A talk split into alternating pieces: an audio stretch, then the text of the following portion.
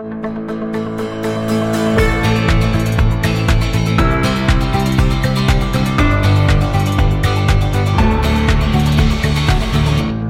til Sirkuler, en podkast fra AFO Norge om sirkulærøkonomi og resirkulerte råvarer.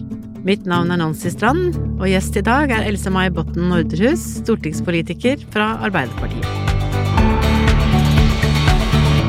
Else May Botten Norderhus ble valgt inn på Stortinget for Arbeiderpartiet fra Møre og Romsdal i 2009. Hun har lang erfaring fra næringskomiteen, og sitter nå i energi- og miljøkomiteen. Fra høsten 2021 skal hun overta som fylkesmann i Møre og Romsdal. Velkommen til deg, Else May. Tusen takk. Du, eh, nå, så fort du nå begynner å snakke, så vil vi høre veldig godt hvor du er fra. Eh, så, det er jo, så det er litt spennende å bare høre litt eh, Hvordan var det det hele Hvordan startet engasjementet ditt, og hva, hva var det som fikk deg til å engasjere deg i politikken? Jo, det var én en enkelt sak, eh, og jeg jobba i LO som ungdomssekretær i Møre og Romsdal da, i, fra 1999. Eh, og da begynte vi å arbeide med en sak som gikk på ungdomsgaranti. Ja. At ungdommer skulle få muligheter til å få enten utdanning, eh, arbeids, eh, ja, arbeidstiltak eller vanlig arbeid. Mm -hmm. Og det var noe som Gro innførte, og Bondevik tok vekk. Og Aha. jeg ville ha på plass igjen. Mm -hmm. Så jeg var veldig engasjert i akkurat den saken, og satte meg veldig godt inn i den og begynte å jobbe med den. Og så ble jeg spurt om å stille på fylkestingslista. Mm -hmm. Og så har jeg kampplass, så jeg begynte å lage egen valgkamp og okay. kjøre på. og det første innlegget liksom på fylkestinget gikk på den saken, og jeg fikk laga et prosjekt i Møre og Romsdal som gikk på nettopp det, så det var sånn gjennomføringskraft i det òg. Det var Mm. veldig artig. Ja. Mm. Så da fikk du litt blod på tann, rett og slett, eller? Ja. Mhm. ja. Når, du, når du begynner å engasjere deg, så er det i gang. ja. Mm. Og opplever at det faktisk eh, også gir resultater. Ja. Mm. Men det var hard jobbing, altså. Ja. Det skjønte jeg ganske fort. Mm, Mm. mm. Ja, det, det er det noen, noen andre politikere som har vært i podkasten som også har sagt. Ja. Det der også følge ting helt, faktisk helt fram. Helt, helt i mål. Mm, mm. Så nå har du lang erfaring fra Stortinget etter hvert. Så hvordan, hvordan var det å begynne på Stortinget og komme inn fra, fra Møre og Romsdal og, og være stortingspolitiker? Ja, jo, det var en helt annen virkelighet ifra det du kom ifra. Sjøl om jeg har vært distriktssekretær i LO da, i en del år før jeg kom inn, så har jeg da jobba med, med politikk, mye olje og gass og næringspolitikk. Før jeg kom inn, så var jeg egentlig eh, Ja, jeg vil jo si at jeg var rimelig dreven til å jobbe med politikk, Mm. eh, og formidle det utad og alt det her.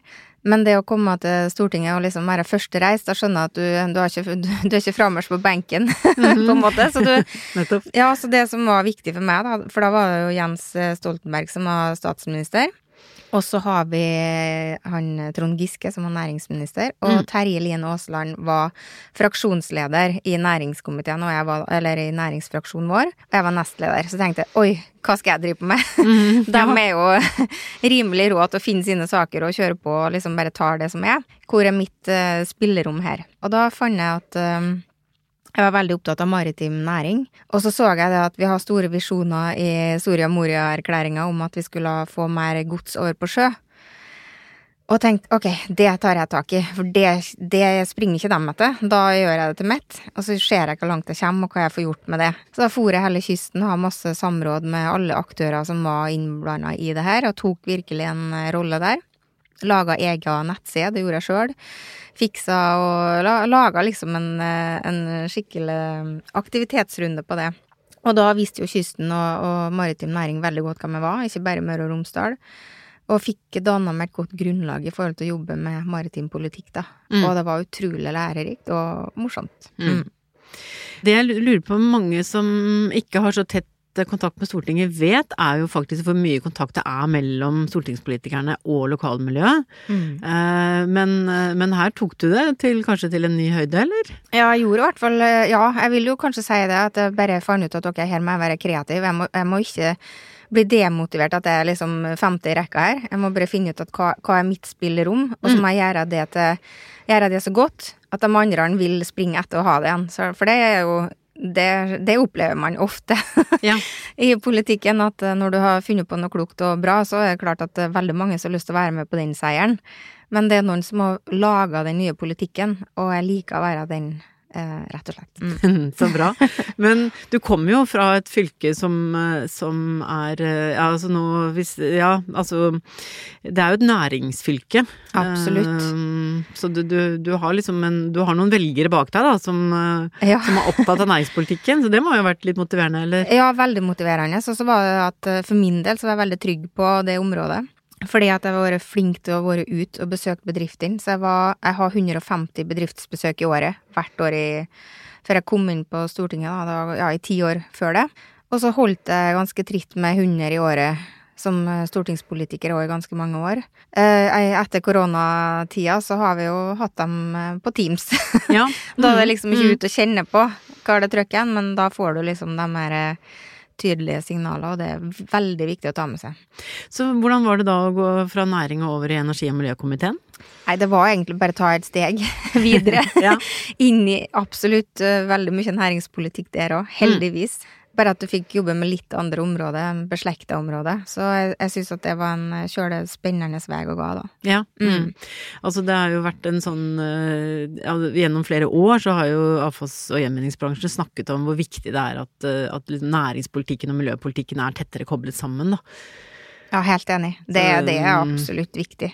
Løft det dit, for det er det det handler om. Altså Hvis du bare skal forholde deg til avfall og avfall som begrep, så trenger du ikke tenke næringspolitikk omtrent. Men hvis du skal prøve å få det som en ressurs, og prøve å få utvikla både nye og bedre løsninger for miljøet og, og klimaet, og samtidig skape arbeidsplasser, da, da gjør du rett hvis du tenker næringspolitikk. Mm.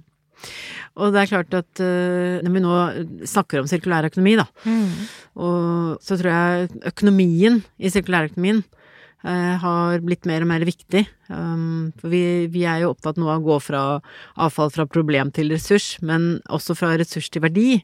Sånn at det, det, det er- det er et verdiskapingselement her som, eh, som sirkulærøkonomien eh, bringer med seg, da.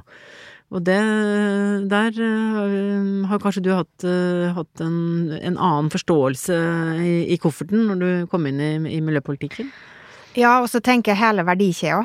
Ja. Eh, og det har jeg gjort i alle ulike bransjer som jeg jobba innenfor eh, i politikken. For eh, du er nødt til å skjønne hele spekteret. Og sirkulærøkonomi så kan du nesten tegne en sirkel. Eh, og så kan du sette inn alt som er viktig der. Og jeg tenker at det er utrolig viktig hva du putter inn, uansett hvilket produkt det er snakk om. Så design og, og produktsammensetninger er jo nesten det viktigste. Mm. Så at du på en måte har lagt hele livsløpet til det produktet da.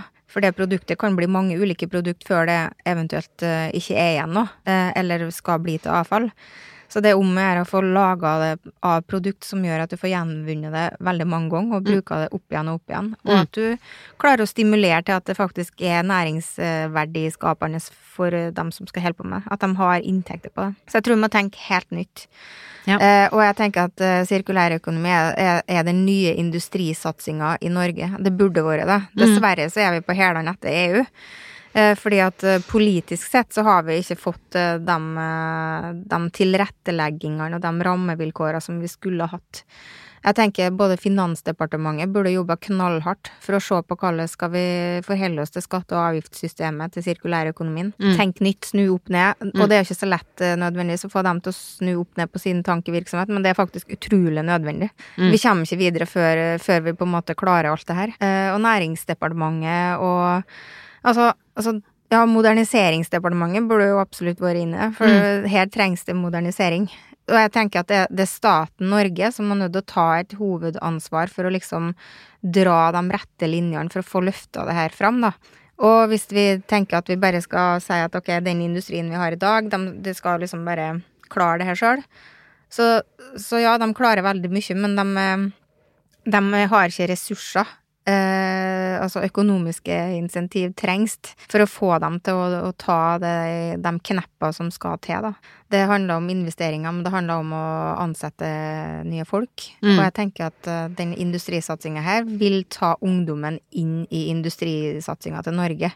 For at uh, det er liksom, vi må modernisere Det her det må være den nye trenden. Det må Ja. være liksom caffè latte-biten i industrien. Altså Ja. det er sånn, det er kult. Det er hipt å gå inn i den, eh, i den eh, type industri, Mhm. uansett hvilken næring vi snakker om. Eh, og jeg tenker at det er utrolig viktig at vi legger opp til at vi har god utdanning i forhold til det, sånn at man er skolert og er i stand til å kunne dra det videre. Mm. tenker ofte på disse her som tar utdanning innenfor design i Norge. De er jo egentlig litt sånn Ja, de blir oppringt, og vi har et oppdrag her nå, og så vet de egentlig ikke forutsig... De har ikke forutsigbarhet i forhold til jobben sin eh, mange måneder fram i tid. Mm. Dessverre. Og jeg mener at her er det òg masse muligheter for dem som skal Mm. jobbe med det framover. Få seg faste jobber innenfor industrien som jobber med helt andre ting enn kanskje de har vært vant med. Ikke sant. Som å Det- tenke nytt. Og så um, eh, AFA Norge satte i gang et utdanningsprogram for fem år siden mm. uh, som vi kalte Redu-programmet vårt. Og, og der har vi jo nå Nå tikker jo de eh, nyutdannede inn i bransjen, så det er veldig, veldig gøy å se. Og det, er et, det blir et eh, generasjonsskifte Mm. av det. De kommer inn med ny kompetanse. Også helt andre tanker. Men jeg skjønner jo at du, du brenner jo for å ta dette enda lenger, for du vil ha dette inn i, på en måte, i, i, i industri, eh, sysselsettingen, altså det er mange næringer her som, eh, som trenger en kompetanse innenfor sirkulær økonomi. Ja, og så er det sånn at vi, er, vi står på en måte ved et veivalg i forhold til hvor mye innleid arbeidskraft skal vi ha i industrien. Mm. Vi har sittet nå i koronatiden, altså jeg snakka med verft som, som har utgifter på fire til seks millioner i uka for å kunne håndtere karantenereglene. Og så har vi massevis av folk som blir permittert, og, og mange som går ut i usikkerheter i forhold til hva blir det med meg nå. Da må vi på en måte få industriarbeidsplassene til å bli det hippe igjen, sånn som det var når vi begynte å industrialisere Norge. Så vi må på en måte tenke helt nytt igjen, og da tenker jeg ja, men vi er jo ikke nødt til å gjøre det sånn framover. Vi gjør det sånn nå, men for all del kan vi ikke bare snu det. Og da er sirkulærøkonomien, tenker jeg i hvert fall, det er liksom det um, servert på et fat uh, i, i forhold til å, å, å gjøre akkurat det. Så Mm. det er nå, nå Mm. sjansen er der, tenker jeg. Altså, mitt inntrykk er jo at eh, veldig mange studenter som er veldig miljøengasjert, ja. de er eh, veldig De syns det er kjempespennende å bli kjent med avfalls- og gjenvinningsbransjen. For de ser veldig fort koblingen mellom fornybar energi, eh, klima og miljø, eh, og dette med avfallsressurser og sirkulær økonomi. Men det er liksom noe med den der hardcore eh, industri som kanskje er vel så Altså, det er, de er interessert i teknologi, i energi eh, som sådan, altså så det er kanskje en annen type både kompetanse og type studenter, da, som, eh, som vi også trenger inn, som har begge disse uh, sidene. Mm, jeg, tror det, jeg tror det her blir det moderne Norge framover, da. Mm. Altså, Industri-Norge. Fordi at jeg tror at uh, dem som er opptatt av miljø og klima, de har lyst til å være med og bidra. Og akkurat innenfor det her feltet så ser de um, virkelig meninga i å bidra. Og den kunnskapen de har både i forhold til teknologi og, og klima, det er helt perfekt inn i den industrisatsinga som vi er nødt til å ha. Så vi har jo et potensial på sikkert 50 000 eh, nye arbeidsplasser over hele landet. Så jeg tror, tror det at det blir det blir- en trend da, at du får eh, Oslo-ungdommen ut uh, i distrikta i Mm. forhold til det her òg. Det kan Mm. bli en helt annen flyt. Og det trenger Distrikts-Norge. Rett og slett. Så jeg tenker at uh, dem som har på en måte syntes det har vært veldig hipt å være i Oslo, og på en måte her har du alt, så tenker jeg at uh, ja, men uh, skal jeg redde verden, så må jeg faktisk ut og være med og hjelpe til. Og Mm. da trenger jeg ikke å dra lenger inn til et annet fylke, Mm. eller en annen kommune. Jeg Mm. kan være i Norge for de, og samtidig på en måte få med alt. Ja, så det er, det er rett og slett en Altså det er jo musikk i, i, i mine ører, dette her. For det er det jo noe med at eh, Jeg tror gjenvinningsindustrien da, som sådan, altså de som på en måte har vært vant til å håndtere de Ja. eh, resirkulerte råvarene, Mm. de de, sammensmelter jo snart nå med prosessindustrien, for eksempel. Ja, ja, ja. Eh, Fordi prosessindustrien er jo nå bare mer og mer interessert i å ta i bruk de resirkulerte råvarene og diskutere ja, men hva skal til da, og Mm. hvordan får vi riktig kvalitet og så videre. Og, Mm. Og den, så spørsmålet er jo om vi kommer vi til å kalle det gjenvinningsindustri. Jeg tenker kanskje vi egentlig bare har en, en jeg håper å si det er en råvareindustri, men den er bare basert på, på resirkulerte råvarer. Det er, en, det er, det er produksjonsindustrier, og de, de sirkulære elementene er en selvfølge. Er, det, er vi Ja. langt unna det, egentlig? Jeg tenker vi kunne kalle det en klimaindustri. For Ja, det er liksom mm. Klimakampen vil alle sammen være med på. eh, Og det er sammen vi klarer å få det til alle bransjer. Eh, og det, det en ting er å se verdikjeder i eh, en bransje, men det, den dialogen og det samarbeidet som skjer på kryss og tvers hele tida og av ulike bransjer, er jo bare helt fantastisk. Og hvis alle er med på det laget Jeg tenker vi snakker gjerne om karbonfangst og -lagring og hydrogensatsing og alle, alle disse tingene her som på en måte òg vil være en eh, ny og spennende verden vi skal gå inn i. Så vil jo det her omfatte alle næringer. Eh, og gjøre det Det her må være liksom masteren, mm, tenker ja, jeg. Mm, Masteroppgaven vår. ja, det er bokstavelig talt ja. for alle. Så, men du som har vært i kontakt med så mange bedrifter, mm. um, er det noen av disse her som har gjort skikkelig inntrykk på deg? Som du tenker at wow, det er, det er dette det handler om, liksom? Er det jeg vil jo si at det er veldig mange som har gjort det. Eh, men, men jeg tror jo at eh, hvis du tenker spesifikt fra kysten, da, så, og liksom maritim næring som jeg kjenner veldig godt, så er jeg jo opptatt av at vi skal få til sirkulærøkonomi innenfor verfta. At vi mm. faktisk skal gjenbruke eh, skrapskip. Mm. så vi må liksom eh, kunne ta og slutte å sende det til India og Pakistan når vi har en båt som skal vrakes. Vi må gjøre det sjøl. Og så må vi bruke det, det som er i den båten, alt fra skrog til møbler, altså hva det nå er, inn i nye båter som er tilpassa ny tid, eller, ja, eller andre næringer, altså mm. fiskerinæringa og sjø, ja. Mm -hmm. Har jo helt andre båt, båter, men hvis du skal skrape en offshorebåt, så er det veldig oppdaterte ting uansett. Mm. Så mm. masse ting der kan brukes opp igjen. Mm. Så vi må mm. bli mye flinkere til å tenke sånn, og da må vi òg få økonomi i det, i det hjulet. Mm. Eh, og ja, jeg tenker at det er massevis av muligheter her. Men det er jo et savn, da, at næringslivet, uansett bransje, eh, ikke er alltid like flink til å liksom bygge opp noen aktører som tør å være en litt sånn motor i å si ting. Ja. og være litt sånn tydelig på at, vet du, næringa, vi er på, vi er sånn og sånn, men hvor er de? Hva, mm. Og hva er det vi trenger? Ja. Hva skal til for å få til? For vi trenger noen sånne tøffe stemmer rundt omkring. Og hvis jeg går tilbake til maritim næring igjen, da, så fra mitt område, så har Kjersti Kleven, Gunvor Ulstein, Tore Ulstein vært, sant, noen av de her mm. stemmene mm. som har vært kjempetydelige. Men det, det trenger vi i alle næringer. For når det er kun dem som er innenfor en organisasjon som skal dekke det området, så er det fint, det, og de går jo igjen hele tida. Men det er enda mer troverdig å bruke dem som mm. kommer, som er medlemmer i den organisasjonen, og som ja. virkelig er spot on. For mm. de kjenner det så galt på kroppen. Og de, det, det på en måte kommer kommer ut på en helt annen måte. Mm, ja, det blir enda mer ekte, sjøl mm. hvor mye vi ønsker å representere. Ja, ja, selvfølgelig. Ja, og det, det, ja, det viktig, ser jeg jo altså. veldig godt. Ja, altså bygge profil. Mm, mm, og profiler. Mm, ja. Mm. Få, få, få de fram. Men er vi langt unna? Og at Ja, for eksempel innenfor maritim næring, da. Fordi det, er ikke så lenge siden de siste oppslagene om, om skip på stranda i Bangladesh og så videre, så mm. Ja, um, altså når det gjelder uh, skipsverft som, uh, som er i startgropa på det her, så har vi jo tre-fire i Norge nå. Vi har et i Bergen, vi har et på Altså vi har Kleven verft, da. Og så har vi oppe i, ja, i Nord-Norge. Altså det, det, finnes.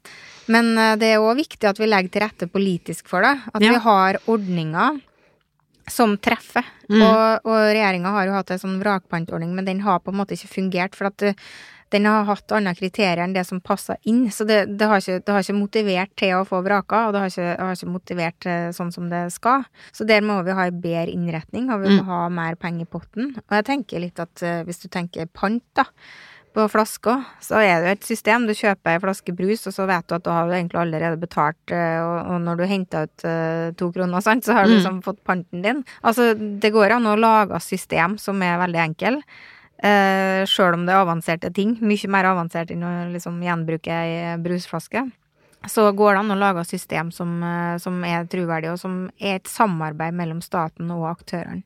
Så jeg mm. håper vi får på plass det fort. Mm. Jeg tror kanskje vi må vente til høsten 21. ja. det, det ser ut som det venter på seg nå. ja, altså, jeg har jo vært jeg liksom håpet på at den gjennomgangen av hele, hele virkemiddelapparatet, da, at den skulle føre med seg en sånn type tilnærming. Mm. Eh, fordi når den var ute på høring, i hvert fall, så var jo veldig den skiftet fra at vi støtter en bedrift, til at vi støtter en, på en, en bransje, til at vi nå på en måte må støtte en slags systemendring mm. for å få til den type sirkulært samarbeid. Og at, eh, ja, for eksempel at det som kommer fra et, et skip som skal, som skal utrangeres, kan faktisk inngå i ny. Det er jo noen klikk, på en måte, på, på, som skal, man skal gjennom da, for å få det her til å funke i praksis. Og virkemidler må tilsvare det. Men mm. vi er ikke helt der Jeg opplever at det henger litt igjen, at, at innretningen Det er såpass Man må tenke såpass nytt at, at det, det tar litt tid, i hvert fall. Ja, og det er veldig synd, for så lenge det tar tid, så går tida fra oss. Vi har noen sånne mulighetsrom som det er viktig å gripe fatt i. Uh, og jeg tenker at innenfor sirkulærøkonomien så er det ofte forskriftene som stopper ting òg. Altså det er liksom uh, Vi har andre krav enn Sverige og Danmark som gjør at ting blir bare rart. Altså hvis du har uh, Ja, hvis du har matavfall da, som du vil ha inn i, i oppvarming, Uh, og så vil du på en måte bruke det til Ja, du kan ha inn fiskeslam i samme systemet, og så kan du få ut igjen gjødsel, som er et rent produkt som er helt annet enn det du bruker i dag, sant? som mm. stimulerer til at ugraset ikke kommer, men det graset du skal ha, kommer. Altså, det er mange ting her. Eh, så har vi forskrifter som eh, sier at oppvarminga må være på et annet, andre grader enn eh, hva man har i Danmark, eksempel, og så blir det ikke noe av det. Altså, det er mange prosjekt som stopper opp fordi at man ikke er, er på. Man har òg for eksempel at man vil lage søppeldunker av bildekk. Det stopper seg, sant? Altså, da har du òg noen forskrifter som Sverige har funnet løsninger på, som mm. Norge henger etterpå. Så jeg mm. tenker at det er utrolig viktig at, eh, at statssekretæren og eh, statsråd i Næringsdepartementet er på. Mm. Når bedriftene sier at vet du, vi har et kjempebra prosjekt her, men det stoppa seg i en frihandelsavtale der, eller at vi mangler det, vi har et annet tollsystem, eller at vi har andre mm. forskrifter. Rydde opp i det, da. Mm. Det er du som kan gjøre det. Altså, vi på Stortinget kan være ville det så mye som vi vil, mm. men vi, har, vi, kan ikke blande oss borti forskriftene. Det er det faktisk statsrådene statsråden og departementet som må ordne opp i. Så det må være lett å kakke på den der, og i hvert fall finne løsninger som gjør at de store prosjektene som som uh, er i gang, mm, ikke mm. stoppa av sånne ting. Ja. Jeg tror hvis du spør eh, i mange næringer, uh, spør om eksempler på forskrifter som stopper ting, mm. så tror jeg du veldig fort får en del av dem. Veldig. Så det, jeg, det, spørsmålet jeg har stilt det samme, det er hvorfor er det da så vanskelig å gjøre noe med det? Uh, ja. det altså man skjønner jo på en måte hvorfor, men, uh, men allikevel. hvorfor ja, men, må det ta så lang tid? Ja, det, det for det, skjønner jeg ikke. For akkurat det bør ikke ta lang tid. Eh, og når vi satt i regjering, så var jo jeg Altså når jeg var distriktssekretær i LO, så var jeg jo snakka med mange bedrifter, og denne bedriften har kjempeproblemer i forhold til toll, og ville ha en eh, frihandelsavtale til det landet. Så, så gikk jeg til departementet og sa våre folk der ja, men det er ikke nødvendig å lage en frihandelsavtale med det landet, vi kan ordne det på andre måter. Sant? Og så fikk vi rydda opp i det, og den mm. bedriften berga 65 arbeidsplasser. Sant? Og det er liksom Ja, og det tok ikke lange tida. Det var et par telefoner, og så jobba de og fant, fant løsninger på det, og det var helt greit. Det burde de gjort nå, men det virka ikke sånn at det er liksom Jeg vet ikke. Noen må ta ansvar og gjøre det, da. Ja, vi har jo eh, tatt til orde for at man kunne hatt en egen gruppe som tok tak i eh, sånn, litt sånn speed-avregulering, eh, eller endringsreguleringer, da. Um, Jeg kunne satt inn speed-regjering. Speed for eksempel. Eh, ja, men at du på en måte har hatt eh, noen på statsministerens kontor som bare har ordna opp i alle de tinga som du har fått innspill på, som ingen egentlig vet hvem skal gjøre med, mm. og ta videre. Men det er ikke så enkelt, heller. nei, altså um det bringer meg litt over til For du var jo saksordfører for stortingsmeldingen ja. eh, som, om avfall og sirkulærøkonomi. Ja. Som vi vel eh, måtte si primært var en avfallsmelding. Absolutt. Vi ønsket oss mer sirkulærøkonomi, men det, den øh, og, og, det ble jo litt begrunnet med at den hadde kommet såpass langt før man, som man ville kjøre igjennom, men så ble jo da bestillingen nå en sirkulær strategi som kommer nå i slutten av året, da. Så hvilke forventninger har du? Og du, dere har, det kom jo en del bestillinger da, til, til, regjeringen etter den stortingsbehandlingen. Så hvilke forventninger har du nå? Ja, nei, jeg vil, jeg vil starte med hva som skjedde da. Først. Ja. Eh, fordi at eh, jeg var veldig opptatt av det her av at jeg jobba mye med næringspolitikk og så for meg at det her, at det her er bare gull. Det Mm. er det vi skal drive med. Det her blir kjempespennende. Så det var første stortingsmeldinga komiteen vår fikk i denne perioden. Og jeg er helt enig med. Det ble eh, veldig mye avfalls, altså avfall som ressurs, og det er bra. Og vi kom i mål med veldig mange områder der, og vi fikk, eh, fikk flertall for mange nye forslag òg, så det var utrolig driv i. Eh, Men når det gjaldt sirkulærøkonomi, så var det egentlig bare tynt prat, altså. Eh, Men, men ambisjonene var der helt sikkert. Men det var bare at det ble ikke konkretisert. Og jeg skjønner det på en måte, for at det er ganske vanskelig å legge om virkemiddelapparatet og alle ordningene på en helt ny måte. For det er tilpassa lineærøkonomien, og så Mm. skal du gjøre det på en helt ny måte. Men jeg har jo da virkelig trodd at de har gjort den jobben, når de da kom med den stortingsmeldinga, for da vil det jo noe. Um, og så ble vi Det var jo flertall, altså regjeringspartiene var jo med på at vi må ha en strategi på det her, dem òg, for de syns jo det ikke det var Det var ikke noe særlig for dem heller, da. Og vi har jo ambisjoner om at vi At det her skulle skje fort.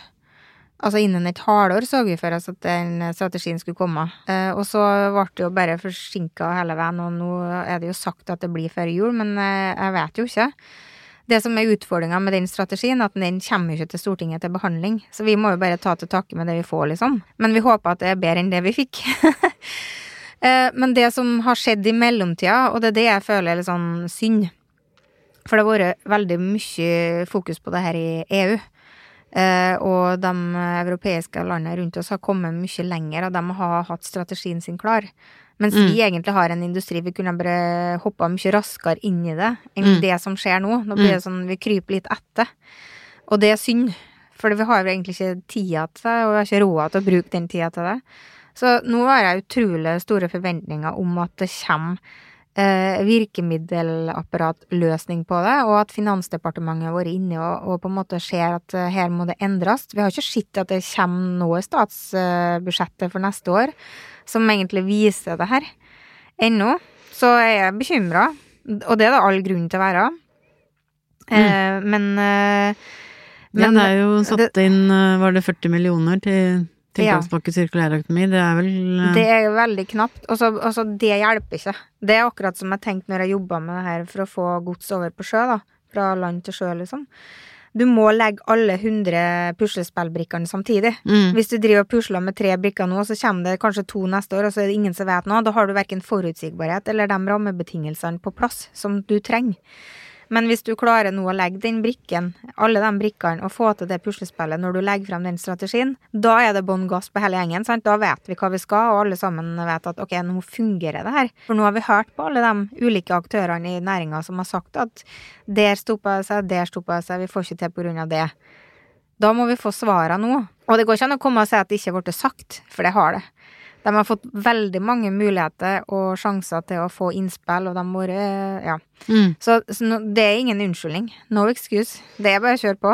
Ja, altså, jeg tror jo altså, næringslivet er jo også mer modent, helt klart. Absolutt. Eh, fordi at forståelsen Og vi har jo brukt litt tid egentlig sånn på å si hva, hva er det dette betyr i praksis. Og, så, men liksom hvordan eh, Blir vi veldig avhengig av at staten tar eh, veldig tunge grep her, tror du? Man må ta føringa, i hvert fall. Og så må man gjøre de grepene som er nødvendige i starten. Så det er altså midlertidige ordninger på noen eh, på tre, tre år eller et eller annet sånt for å liksom få, få ting til å rulle i gang, det tror jeg er viktig. Det er alltid viktig hvis du skal se på noe, altså, skal nye satsinger. Så du får til den omveltninga, for at hvis du ikke får til det, så skjer det ingenting. Og staten er avhengig av at det skjer. Vi vil ha arbeidsplasser, vi vil ha verdiskaping, og vi vil ta vare på industrien og, og, og satse. Eh, Så det er massevis av muligheter her for alle. For Mm. liksom AS Norge. Men òg for veldig mange små bedrifter og mellomstore bedrifter. Men hvordan kan man gjøre mer i forhold til liksom kommunene eh, Kan kommunene gjøre mer? Altså de nye Ja, ja. fylkene Altså, jeg tenker at offentlig innkjøp og, ha fokus der i forhold til hvilke kriterier man legger til grunn, er Mm. viktig. Men da kan det ikke være noe annet forskrift enn næringspolitisk som stopper deg i å få gjort det. Sant? Så ting må jo flyte. Og da må det være et system som gjør at du kan melde ifra en eller annen plass. At ok, her eh, har vi det og det prosjektet på gang. eh, fylkeskommunen har bestilt sånn og sånn, men det stoppa seg akkurat der. Kan, Mm. kan vi nå få gjort noe med det? Altså, og, og ja, det får de, og det får de i morgen, liksom. Ikke om eh, kanskje to år eller fem år, eller med ny regjering. Ja. Altså, det er sånn, da må vi ha litt sånn handlekraft. Mm. Mm. Har jo, vi har jo hatt et par liksom, hjertesaker da, nå som vi har spurt de politikerne som, vi har, som har vært her. Um, og det ene har jo vært dette her med, med mm, konkrete mål. Eh, som, som du sier, ikke sant, EU har spilt en veldig viktig rolle etter hvert, og er på en måte nå en veldig sånn agendasetter, og har eh, lagt opp til å bruke materialgjenvinningsmål eh, som, en, som en drivkraft, da. Eh, samtidig som de nå sier at ja, vi skal over nå på, som du nevnte, design, altså de er på en måte over på neste nivå, de nå. Mm. Mens da ligger liksom dette med materialgjenvinningsmålene i bunn.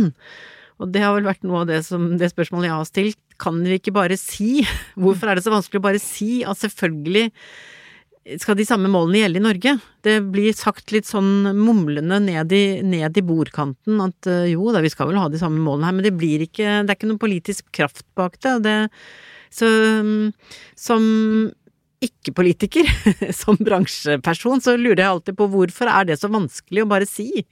Um, for det er i hvert fall en det er, ikke, det er ikke Vi trenger mye mer enn det, men det er i hvert fall et sted å starte, da. Ja, jeg tror det er veldig lett å si ja til det, men det er veldig vanskelig å få gjort noe med det. Ja. Det er det, og jeg tror nok det er det man vegrer seg for, da. Eh, Fordi at man ikke har eh, veien dit.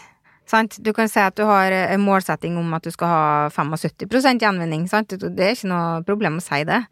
Men hva i huleste skulle du klare det når du ikke har klart de målene som du har hatt så langt? I dag står vi oppe i en situasjon der vi har mål og ambisjoner for i dag, Mm. men vi har ikke nådd dem. Men hva har de gjort, tenker jeg da? Det er jo fint lite. Så da er det ikke rart at vi ikke har nådd de måla. Så du må på en måte ha ønske om å faktisk legge til rette for at det blir sånn, og da må du Da tenker jeg at du må ja, gi gulrot til dem som eh, på en måte gjør ting riktig, da. Eh, og støtte opp under der, og så er det pisk til dem som ikke gidder å bry seg med det, og helle nevene og tenke at det her går vi kjører på så lenge det går. For det her er enklest for oss. Altså, vi er nødt til å presse fram denne motivasjonen til innovasjon. Eh, og da må vi ha liksom eh, gavepakken for dem som tar jobben, og så må vi være veldig streng med dem som ikke gjør det, rett og slett. Mm, mm. Altså det er jo, det er det er jo en gjen, gjennomgangs øh, på en måte, problemstilling i vår bransje, er jo at øh, ja, det er jo faktisk en del krav som hvis man fulgte opp de kravene som var der, da, og, hva, og hvilken konsekvens får det hvis man ikke følger de. Eh, ulovlig håndtering, for eksempel ulovlig Ja, ja. eksport. Ja. Uh, det er jo et, egentlig et veldig sånn trist kapittel, da. At vi, at vi aksepterer at, vi, at det strømmer ulovlig e-avfall ut av landet. Ja. Eh, som vi også kunne ha håndtert her, og, og, og i skandinavisk sammenheng skapt en, en veldig spennende gjenvinningsindustri, i mye, også i mye større skala. Ja. Og så eksporterer vi det ulovlig, og vi, ser, vi vet det, men vi klarer ikke å gjøre noe med det. Nei, jeg er helt enig, og vi har, vi har jo ei stortingsmelding om miljøkriminalitet nå, og vi har jo høring for to dager siden, og der var absolutt det tema. Og Mm. jeg tenker at vi er nødt til å se på hva, hva, hva får vi gjort med det, for at Mm. eh, vi må nødt til å ha et system som gjør at du har ressurser, og at du har tilsyn på ting. Eh, og fra min eh, tid i LO, da, som var ute og sjekka bedriftene at ting var gjort riktig i forhold til arbeidsmiljølov og ansettelser og lønn og arbeidskontrakt og alt det greiene her, så etablerte vi et godt samarbeid mellom eh, Arbeidstilsynet, Skatteetaten og politiet og oss. Og det er det man må se på innenfor den næringa òg, at man Mm. har ulike etater som samarbeider. For, å, for at det er litt sånn at hvis du fusker på skatten, så fusker du kanskje på noe annet. For at når du først har gått over den terskelen at du gjør et eller annet Ja. ulovlig, så er det veldig lett å ta det steget videre til å gjøre det innenfor ulike områder i det du driver med. Så Ja. useriøse aktører totalt sett skal Mm. man ta hardt, tenker jeg. Og så er det ofte sånn at eh, jeg tror veldig mange store bedrifter som er godt organisert, da, og har et godt system og blir medført ofte og føler at de er liksom veldig De må være veldig påpasselige, for de blir ført opp i korta hele tida. Mens kanskje små aktører som ikke er liksom eh, Ja, kanskje blir mindre eh, skitt i korta. For ja, og Mm. det er mange av dem, og Mm. det er uoversiktlig. Så jeg tror at uh, man må nødt å se litt sånn òg. Hva, Ja. hva er det man setter inn Mm, her? det er en sammenheng her. Det har noen Mm, sammenhenger, Mm. Mm. må- Svart arbeid, ja. ulovlig håndtering Yes. av avfall, eh, Og det dårlig må håndtering av folk svi i er pungen, rett og slett. Altså, det, må bare, det må bare tas, og så må det gjøres grep, og så må man si at ok, men du kan ikke drive. Det er ikke sånn vi driver i Norge, du får ikke lov. For at det kan ikke bli slik at konkurransen i markedet blir så fæl, fordi at de som ikke følger regelverk og ikke gjør det riktig, de Mm. faktisk kan de, de vinner på pris hele tida og anbudene, sant. Altså, sånn, det, det går ikke. Så du er nødt til å være veldig Nei, der, hard i der, klypa der, ja, altså. mm, mm, der, der, der har vi et stort behov for å følge opp. Om, Ja. ja. du, men jeg må jo si, du, du er jo en, en dame med autoritet og, og myndighet her, så den skal du nå bruke i en litt annen rolle snart. Ja, Hvordan, eh, nå skal du jo ikke hete fylkesmann, det får et nytt tittel ennå, eller får en, det skal få et helt nytt eh, ja, Nytt navn. Nytt navn, ny tittel. ja, Men rollen, da, ja. den skal du inn i. Den skal jeg inn i, og det blir jo utrolig spennende. Det er Mhm. 1. oktober eh, neste år. Ja. Ja, og da er det i Møre og Romsdal, i fylkesmannsembetet, der så er det 150 ansatte. Og vi har jo et fylke som eh, ja, som det blir spennende å jobbe i igjen. Komme hjem. Ja. det er noe med det. Mm. Eh, og jeg kjenner det fylket kjølig godt. Og jeg kjenner jo veldig mye av eh, både næringsaktører, og de har store forventninger til meg som fylkesmann, det har skjønt. For mm. at eh, hallo, nå, nå får vi jo en person som virkelig er god på Ja. det, sier de. Mm. Så jeg skjønner at det er noen forventninger der. Eh, og så er det jo veldig mange spennende eh, områder man skal forholde seg til og, og følge opp en skikkelig måte, så jeg, jeg gleder meg til det. Så jeg er litt sånn eh, med skrekkblanda fryd spent på hva den tittelen blir, da. Men jeg er jo glad jeg er slipper å være mann. ja, det er ikke sant. Det er i hvert fall en fordel der. Men du, tusen takk for at uh, du kom til podkasten vår. Takk for det, det var veldig hyggelig. Det er bra de har den. Så takk til alle som har hørt på. Og um, takk til vår produsent Soundtank. Og har du innspill til oss, så send dem gjerne til sirkuler.afanorge.no. Mer informasjon finner du på nettsidene våre. Ha det bra!